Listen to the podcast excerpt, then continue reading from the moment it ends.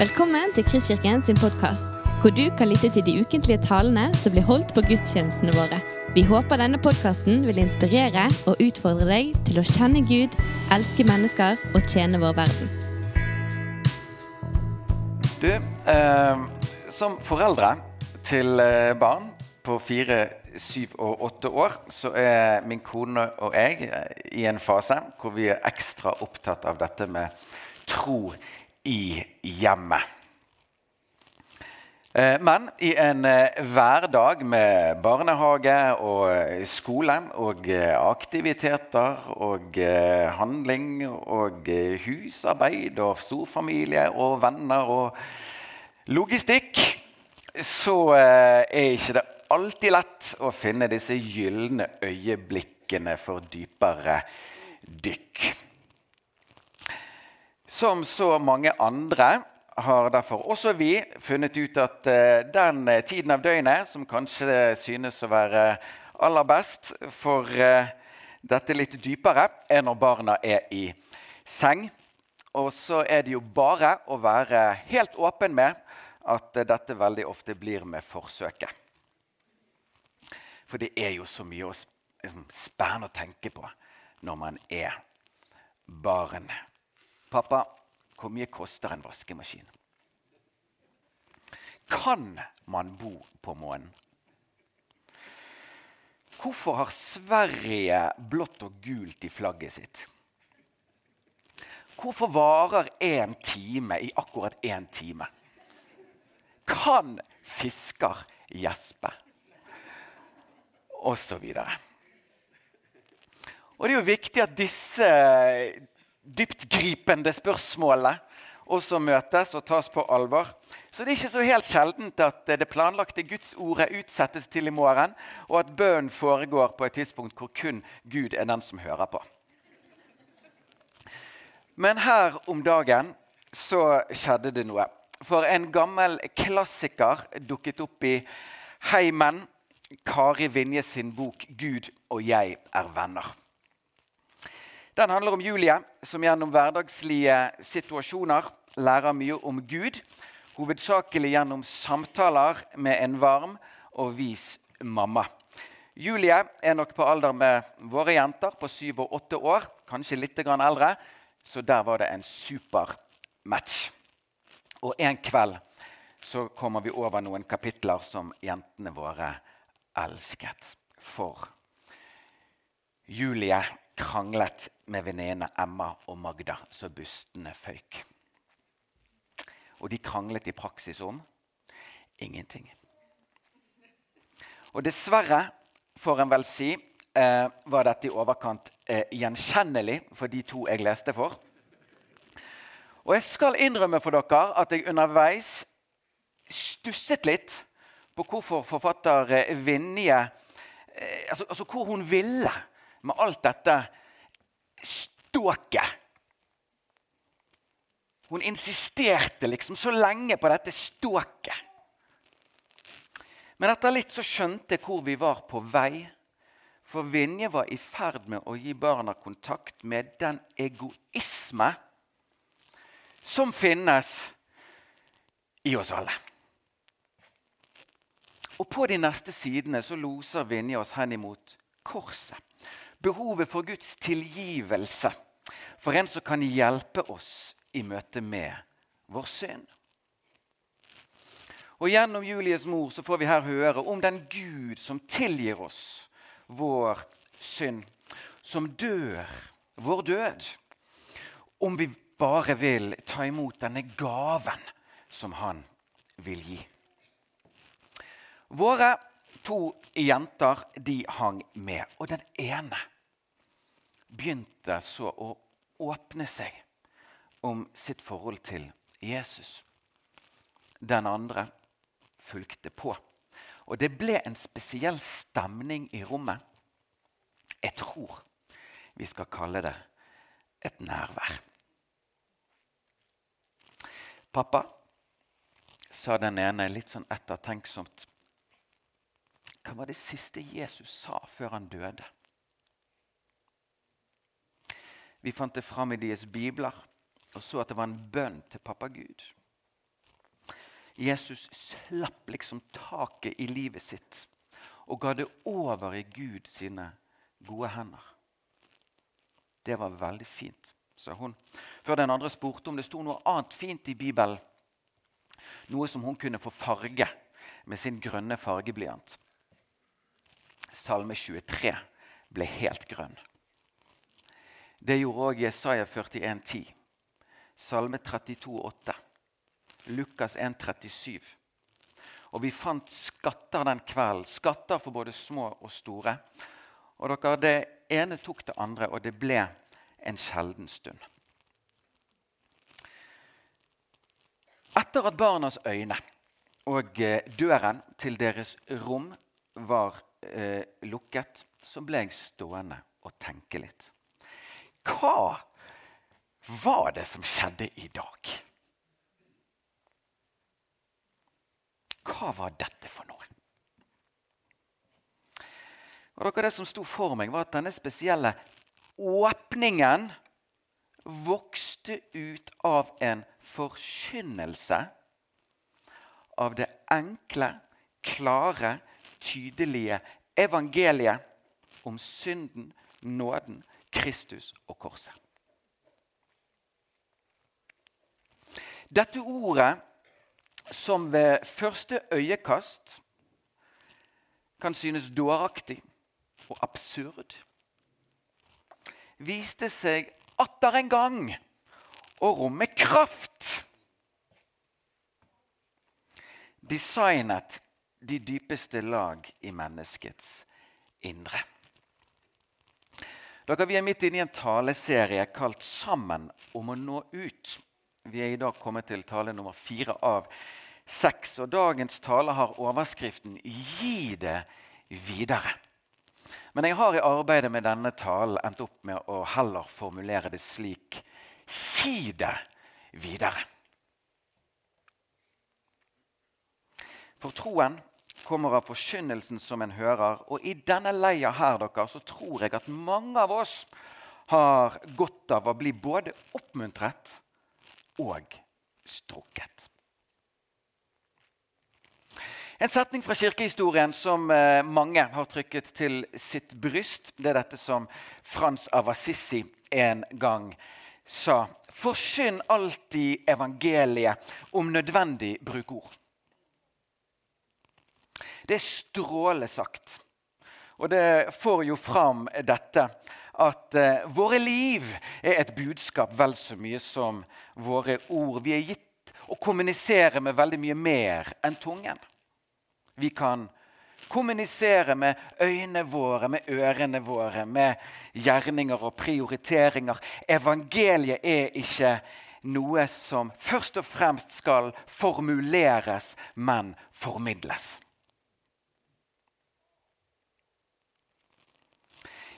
I den tid jeg var ungdomsleder, hadde jeg en eh, periode der jeg eh, ba den samme bønnen om igjen og om igjen, hentet ut fra en sang. Kom i kraft og vis at du er Herre. Den gikk på repeat i mange måneder.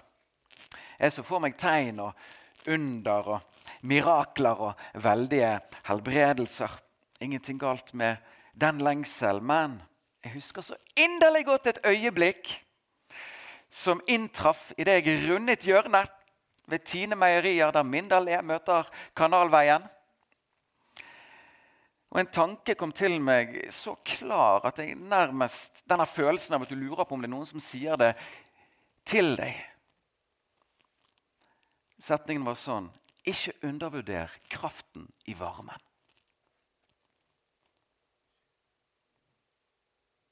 Jeg tror det var et innspill fra oven om den forvandlingskraften som finnes i kjærligheten. Det er en sterk kraft i interesse, inkludering, vennlighet. For Guds rike handler ikke aller mest om under, men om ånd. Vi oppmuntres derfor ikke først og fremst til å søke det spektakulære men det er barmhjertige. I Lukas 10 kan vi lese noe som spiller på lag med åren her. Da Jesus sender 70 av sine følgere ut for å gi videre til andre det han hadde gitt i. Og Vi øyner da en slags trinnvis oppskrift som mange har merket seg og tatt til seg i den trang man har til å gi det videre. Nummer 1, vers 5. Når dere kommer inn i et hus, så si først 'fred være med' dette hus. Altså velsign din neste. Snakk med Gud om din neste før du snakker med din neste om Gud. Send inn en varmebølge i front før du sjøl entrer scenen. Nummer to bli i det huset. Flytt ikke fra hus til hus, sier Jesus til dem. Bygg relasjon, med andre ord. Og hvis jeg får lov til å legge litt til bruk ørene før du bruker munnen. I dette ligger det òg noe frigjørende. Du har ikke ansvar for alle. Nummer tre, vers 9. Helbred de syke i byen. Altså, vær en barmhjertig aktør.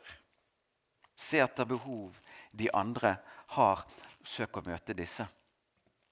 Og så til slutt, nummer fire, vers 9 der. Si til dem Guds rike er kommet nær til dere. Der punkt 1 og 2 og 3 ikke må forstås som bare midler for å nå liksom, til punkt 4. 1 og 2 og 3 er mål i seg sjøl. Velsignelse, vennskap, velgjerninger. Et strålende mønsterbilde som vi gjør godt i å inkorporere i våre liv. Samtidig, dere Sammen med denne trinnvise bibelske tilnærmingen så kan det oppstå en slagside.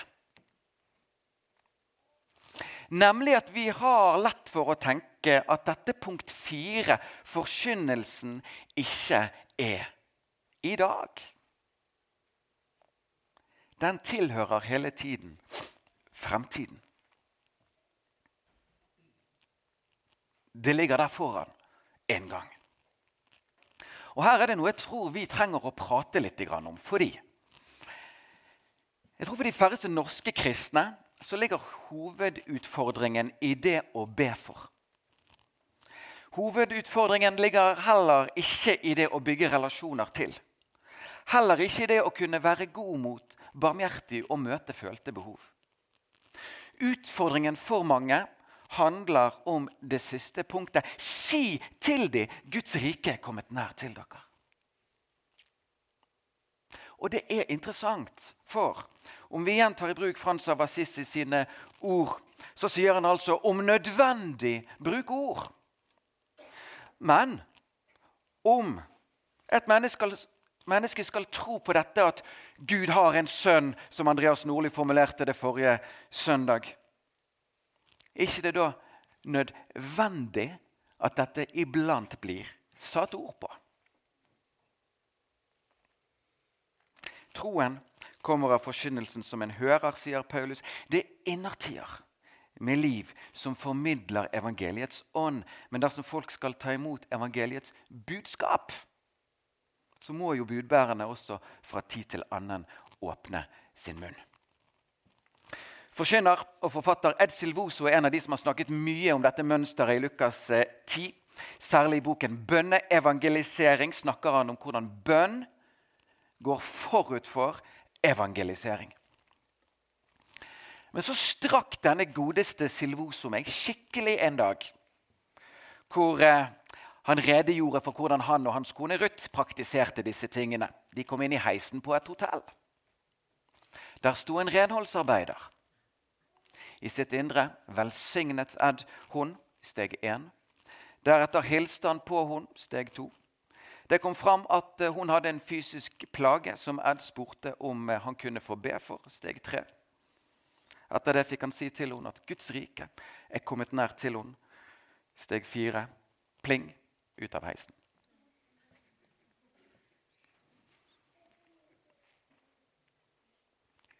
Prinsippene er ligger jo i bunn, er jo de samme.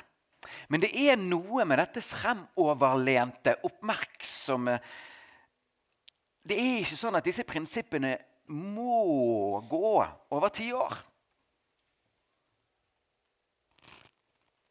Det kan de gjøre. Men jeg kjenner en tilskyndelse til å vekte noe i denne leia her om at la oss være våken for at dette kan skje i dag. Så er vi gjerne redd for at dersom vi bruker ordene våre, så skal vi tråkke over i felt som er for privat for den andre. Et felt vi ikke er invitert inn i. Det kan kanskje skade. Den andre kan jo tenke både ditt og kanskje til og med datt. Kanskje. Men dere har tillatt meg å dele en episode fra mitt liv som jeg tror jeg aldri har sagt her før, men som har merket meg i denne leia her og lært meg mye. Det er nesten sånn. Hold dere fast. For ca. 20 år siden ble jeg tatt ut på Norges første landslag i fotsal, også kalt innefotball. I forkant av et uh, verdensmesterskap i Paraguay så ble jeg og en annen i troppen bedt om å representere Norge på et arrangement i Hellas eh, noen uker i forveien. Min venn og jeg fikk en uke sammen da. En topp, real og gjennomreflektert kar. Vi delte mange ting i livet, men ikke troen på Jesus. På tampen av det oppholdet så skjedde det noe jeg aldri har klart å glemme. Vi satt på en isbar i Aten, og vi kom inn på min kristne tro. Plutselig, i den samtalen, så setter han øynene sine rett inn i mine, og så sier han rakt til meg rett over bordet Du tror ikke på dette, du? Og jeg bare Hæ? Hva, hva, hva mener du? Du tror ikke på det du sier at du tror på. Og Jeg bare, jo, jeg gjør det. Men han bare fortsatte. Så sa han dette. Om du virkelig hadde trodd på at livet har to utganger, og at jeg var på vei til en fortapelse, så hadde det vært det første du sa til meg når vi satte oss på flyet til Hellas.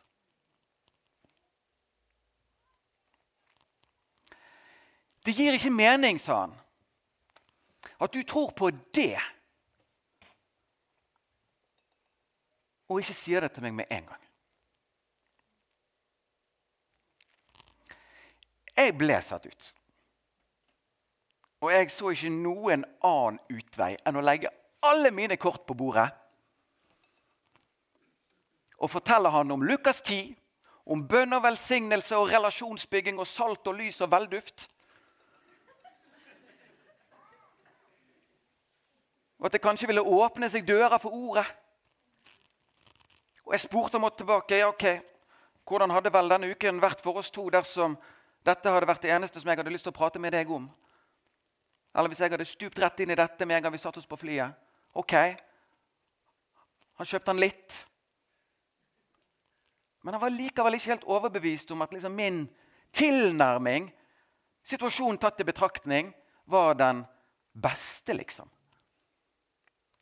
Og så forteller ikke jeg denne historien nå fordi at jeg tror at det beste vi alle kan gjøre, er å kaste oss over naboer og ansatte på Lindex og Biltema. Sant? Verden er full av historier av broer som ble brent idet de ble forsøkt bygget. Men det ligger noen læringspunkter i det jeg opplevde i Aten. For det første at vi kan være redd for å oppfattes underlig dersom vi vitner eller forkynner om vår tro. Ok, Kanskje er det vel så underlig for andre om vi ikke forteller eller vitner om vår tro.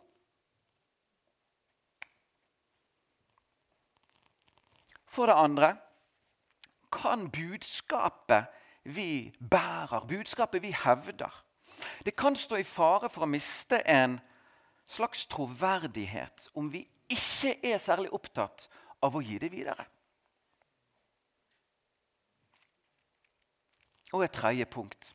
er at det vel ikke er noe å skjule dere. At vi ønsker at de rundt oss skal ta imot Guds gave. I Apostelets gjerninger 25 og 26 leser vi om en stilig episode fra Paulus sitt liv. Han er i fangenskap i byen Cesarea, og det er like før sjøreisen til Rom. Kong Agrippa og hans søster Berenike kommer på en visitt til landshøvdingen Festus, som holder Paulus som fange. Og Historien er den at Festus han skjønner ikke helt hva Paulus er anklaget for. Han skjønner ikke hva jødene er så sure for. Og Han vil at kong Agrippa skal være med og vurdere saken til Paulus, for Agrippa har litt mer kjennskap til jødisk osv. Så Paulus blir ført fram for en mengde høyrangerte borgere og bedt om å forklare saken sin. Etter at Paulus har vitnet om sin omvendelse og forkynt om Jesu liv, hans død, hans oppstandelse, så utbryter på et tidspunkt kong Agrippa foran alle de fremmøtte. Det mangler lite på at du overtaler meg til å bli en kristen. Og Paulus sitt svar Sitat. Jeg ville ønske til Gud, enten det mangler lite eller mye, at ikke bare du, men òg alle som hører meg i dag, måtte bli slik som jeg. Før han tørrvittig legger til, med unntak av disse lenkene. Sitat slutt. Altså, er det noe å skjule? Kan vi ikke bare være åpne med det? At vi vil at folk skal ta imot Guds gave? Bringer ikke det heller bare troverdighet til det budskap vi tror på? og bærer. Vi skal ikke undervurdere kraften i varmen, men vi må heller ikke undervurdere kraften i ordet. Kraften i Guds ord, som er designet menneskehjertet. Guds ord er virksomt, står det. Og det gjelder ikke bare for oss som tror. Det gjelder i møte med mennesker Gud har laget. Men hvordan kan de tro på en som de ikke har hørt om, spør Paulus. Og hvordan kan de høre uten at det er noen som forkynner? Til alle steder, til alle tider, har Kirken hatt dette oppdraget. Gi det videre. Si det videre. Så det videre. Vi er kalt til å så ordet både her og der. Jordsmonnet vil som kjent variere. Det vil lande ulikt. Men det er ikke så personens ansvar. Han er ikke gitt alltid å se eller vurdere før hvert utkast om jorden er god eller grunn. Han kalles til å så. Så har såkornet et innebygget liv, en innebygget sprengkraft. Nå er dessverre ikke klart å fremskaffe supre kilder for den historien jeg nå skal dele. Jeg har lyst til å bare si det med en gang. Uh, men jeg hørte en historie i min ungdom som jeg alltid har båret med meg og blitt holdt friskt hele veien. Men noen prosent sjanse for at enkelte ting av det jeg gjengir, nå er ørlite feil. Men jeg vil dele den likevel. For jeg hørte da forfatter og frilansskribent David Åleskjær.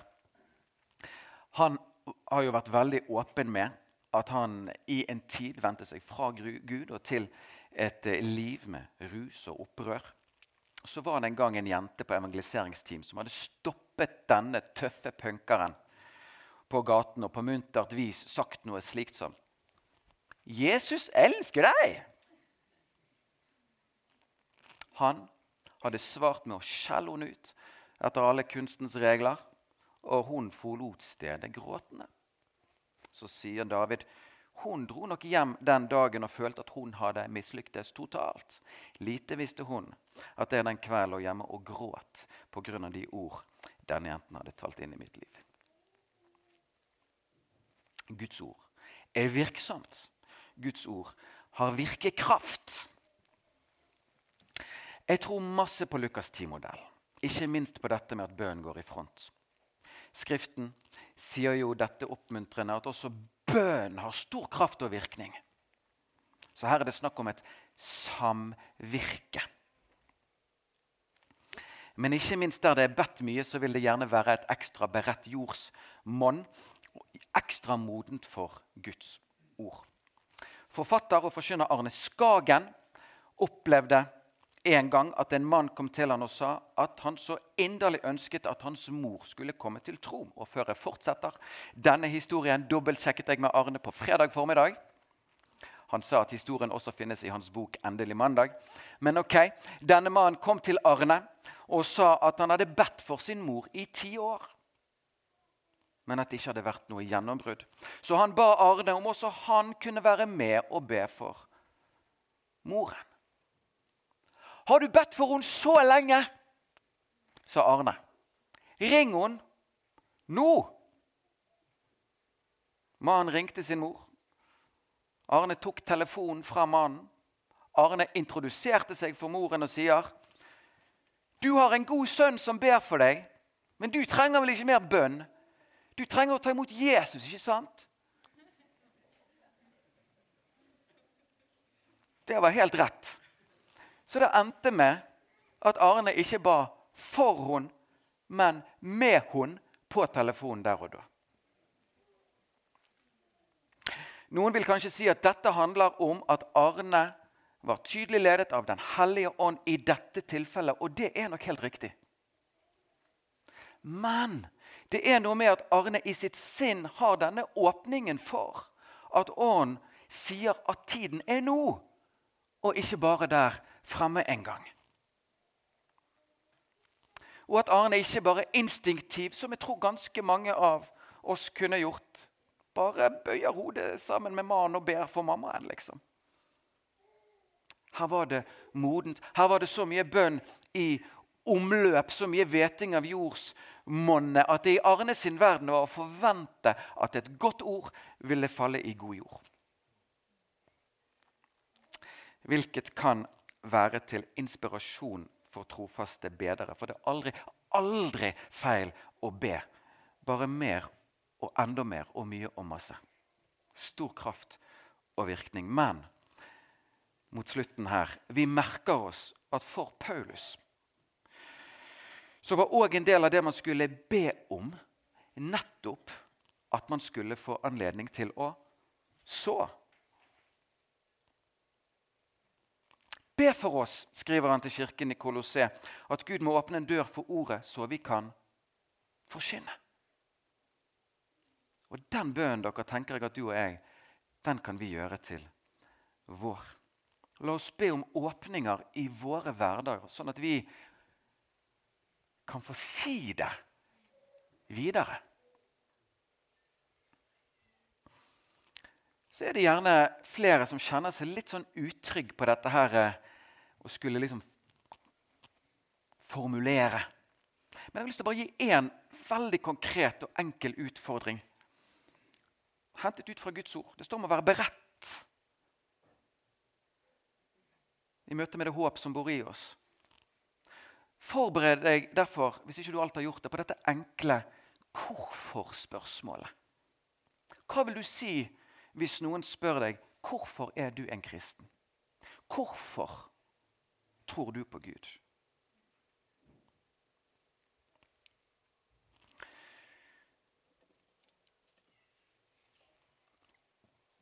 Glenn Nordvarhaug sa her på gårsdagens medarbeiderfest et enkelt ord til oss som var til stede. I Guds rike ikke stress. Ikke stress. Men dere, det er veldig stor forskjell på det å gå rundt stresset og det å være beredt. Det er stor forskjell på det å være oppjaget, oppkavet, og det å være oppmerksom. Og dere, ikke aller mest for vår egen del, men for de nestes del, som Gud vil gi nytt liv. Og hva er vel mer inspirerende enn å høre hvor mye det betyr for de som da har fått et sånt nytt liv av Gud. Og vi skal nå få høre James sin historie. Han tok imot Jesus for et halvt år siden. Audhild kjenner han godt fra Kristkirkens alfakurs. Og hun introduserer han for oss før hun etterpå runder av. dette. Jeg er så heldig å ha blitt kjent med James. Vi går på alfakurs sammen, nummer to. Men du, eh, James, du har jo ikke alltid vært en kristen. Du har vært muslim, og så ble du ateist. Hvorfor det? Funker denne? Ja. Ja, ok. Hmm. Så jeg vokste opp i en muslimsk familie, og der er det antatt at man er muslim. Men jeg skjønte ganske tidlig at den religionen ga ikke mening. Det var veldig mange regler. Det var veldig mye usikkerhet om man ble frelst eller ikke. Man måtte hele tiden passe på at man hadde nok positive poeng og ikke for mange negative poeng. Og ramadan var spesielt viktig, fordi da fikk man dobbeltpoeng for de gode tingene man gjorde. Og det virket så falskt at jeg mistet troen i den. Men samtidig så sa også islam at de var fortsettelsen eller korreksjonen av kristendommen. Så jo, det gjorde at jeg mistet tilliten også til kristendommen, fordi islam hadde jo rett. Eller de hadde feil, men de hadde rett. Uh, så jeg gikk veldig lenge som en ateist. da. Men etter hvert så begynte jeg å se meg litt rundt. Og kunne se at Fordi jeg, mhm, okay, jeg kunne f.eks. se at kristendommen var veldig viktig. Den var veldig viktig for alle samfunn her i Vesten. Og i den grad en samfunn går vekk fra kristendommen, desto verre blir det. Så på individnivå så lider man mer, på familienivå så blir det flere brudd, og så på samfunnsnivå også. Så det overbeviste meg at det var i hvert fall noe verdi kanskje i disse bøkene. Men jeg tenkte at det var jo ingen gud, så det var mulig det var veldig veldig vise folk som skrev den boken. da. Så jeg begynte å lese litt i Bibelen men det er en tung bok. Jeg begynte i Genesis, som ikke er verdens beste idé. Uh, så Men jeg er heldig, da. Så det Gud møter deg når du er villig til å søke. Så jeg fikk f.eks. sånn apologist, så folk som forsvarer troen, forklarer troen på en veldig effektiv måte. Så jeg måtte gå gjennom mange forskjellige, eh, veier. For eksempel, jeg tenkte litt filosofiske argumenter for Gud, fordi jeg trodde ikke han eksisterte. Så måtte jeg finne bevis på at Jesus eksisterte, for de hadde overbevist meg at han heller ikke eksisterte. Og så var det at Bibelen var pålitelig. For det er veldig mange punkt jeg vil Jeg merker i etterkant at jeg var veldig motvillig til å bli kristen. Én fordi frihet, altså jeg vil være fri til å gjøre mine egne ting. Men også fordi jeg var redd for å komme under et nytt regelsystem som jeg aldri kunne leve opp til. Fordi Islam hadde jo disse reglene, men du hadde ingen hjelp til disse reglene. Det det var bare frykt og ikke en veldig positiv relasjon med Gud. Og kristendommen hadde også regler, men ingen kunne forklare meg hvordan Den hellige ånd funket. Så jeg var veldig redd en ganske lang periode for at jeg skulle bli kristen, så feile, så bli forkastet. Så jeg var heldig med at jeg fikk f.eks. gått på baptistkirken på Sletten og bare spurt veldig mange folk i menigheten om deres erfaring med troen, hvordan de leser Bibelen, hvordan de opplevde Den hellige ånd. Og fikk f.eks. plass på en bibelgruppe borte på Arna misjonskirke, og så alfakurs her. Og sammen, ved hjelp av Guds ord, så fikk jeg jobbet gjennom veldig mange av disse feiltankene mine. da. Hvor lenge er det siden du fikk et møte med Gud, og, og, og du ble en kristen? Hva skjedde da? Hmm. Vel, uh, jeg ble døpt 1.10. i fjor, men jeg ble kristen vel en og en halv uke før det. Uh, for jeg hadde først jeg greide liksom å komme gjennom det logiske argumentet for Gud, men jeg slet med trodelen. Det var lettere for meg å tro på Gamle testamentet-guden, fordi han var jeg kjent med på et vis, enn Nytestamentet-gud med tilgivelse og kjærlighet. Så måten jeg kom til tro, egentlig, var å lese evangeliet på egen hånd og be til Gud mens jeg leste. Liksom. Hjelp meg til å tro. Snakk til meg.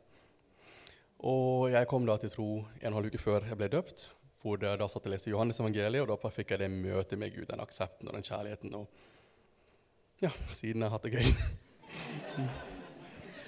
Ja, det er så sterkt. Mhm. Så du fikk en erfaring av at han lever. For du sa på Alfa eh, sist gang at eh, du ble sterkt berørt Mm. på en annen måte enn det du har blitt eh, møtt på tidligere.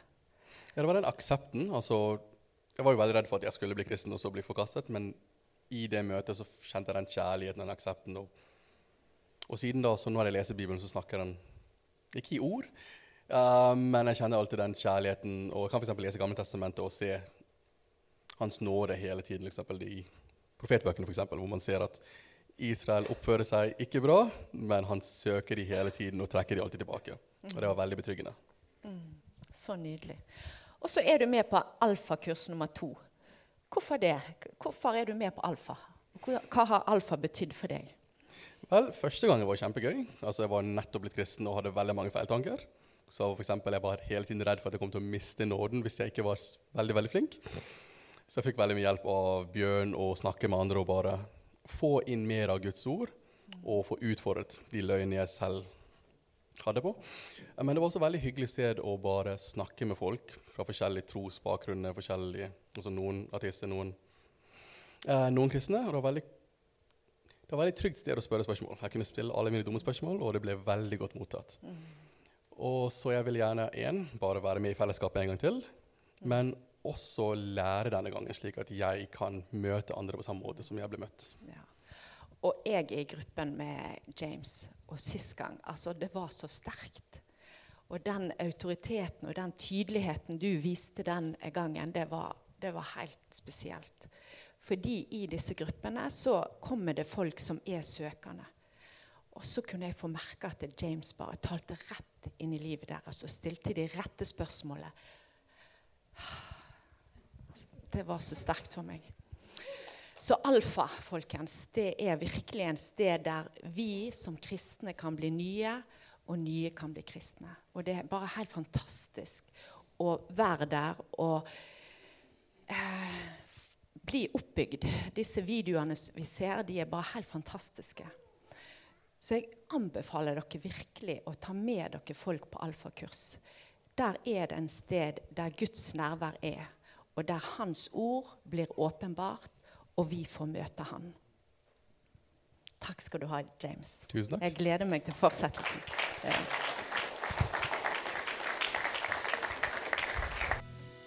Du har lyttet til en podkast fra Kristkirken i Bergen. Vi håper du har blitt inspirert og utfordret i din vandring med Gud. Vil du vite mer om oss, så klikk deg inn på kristkirken.no.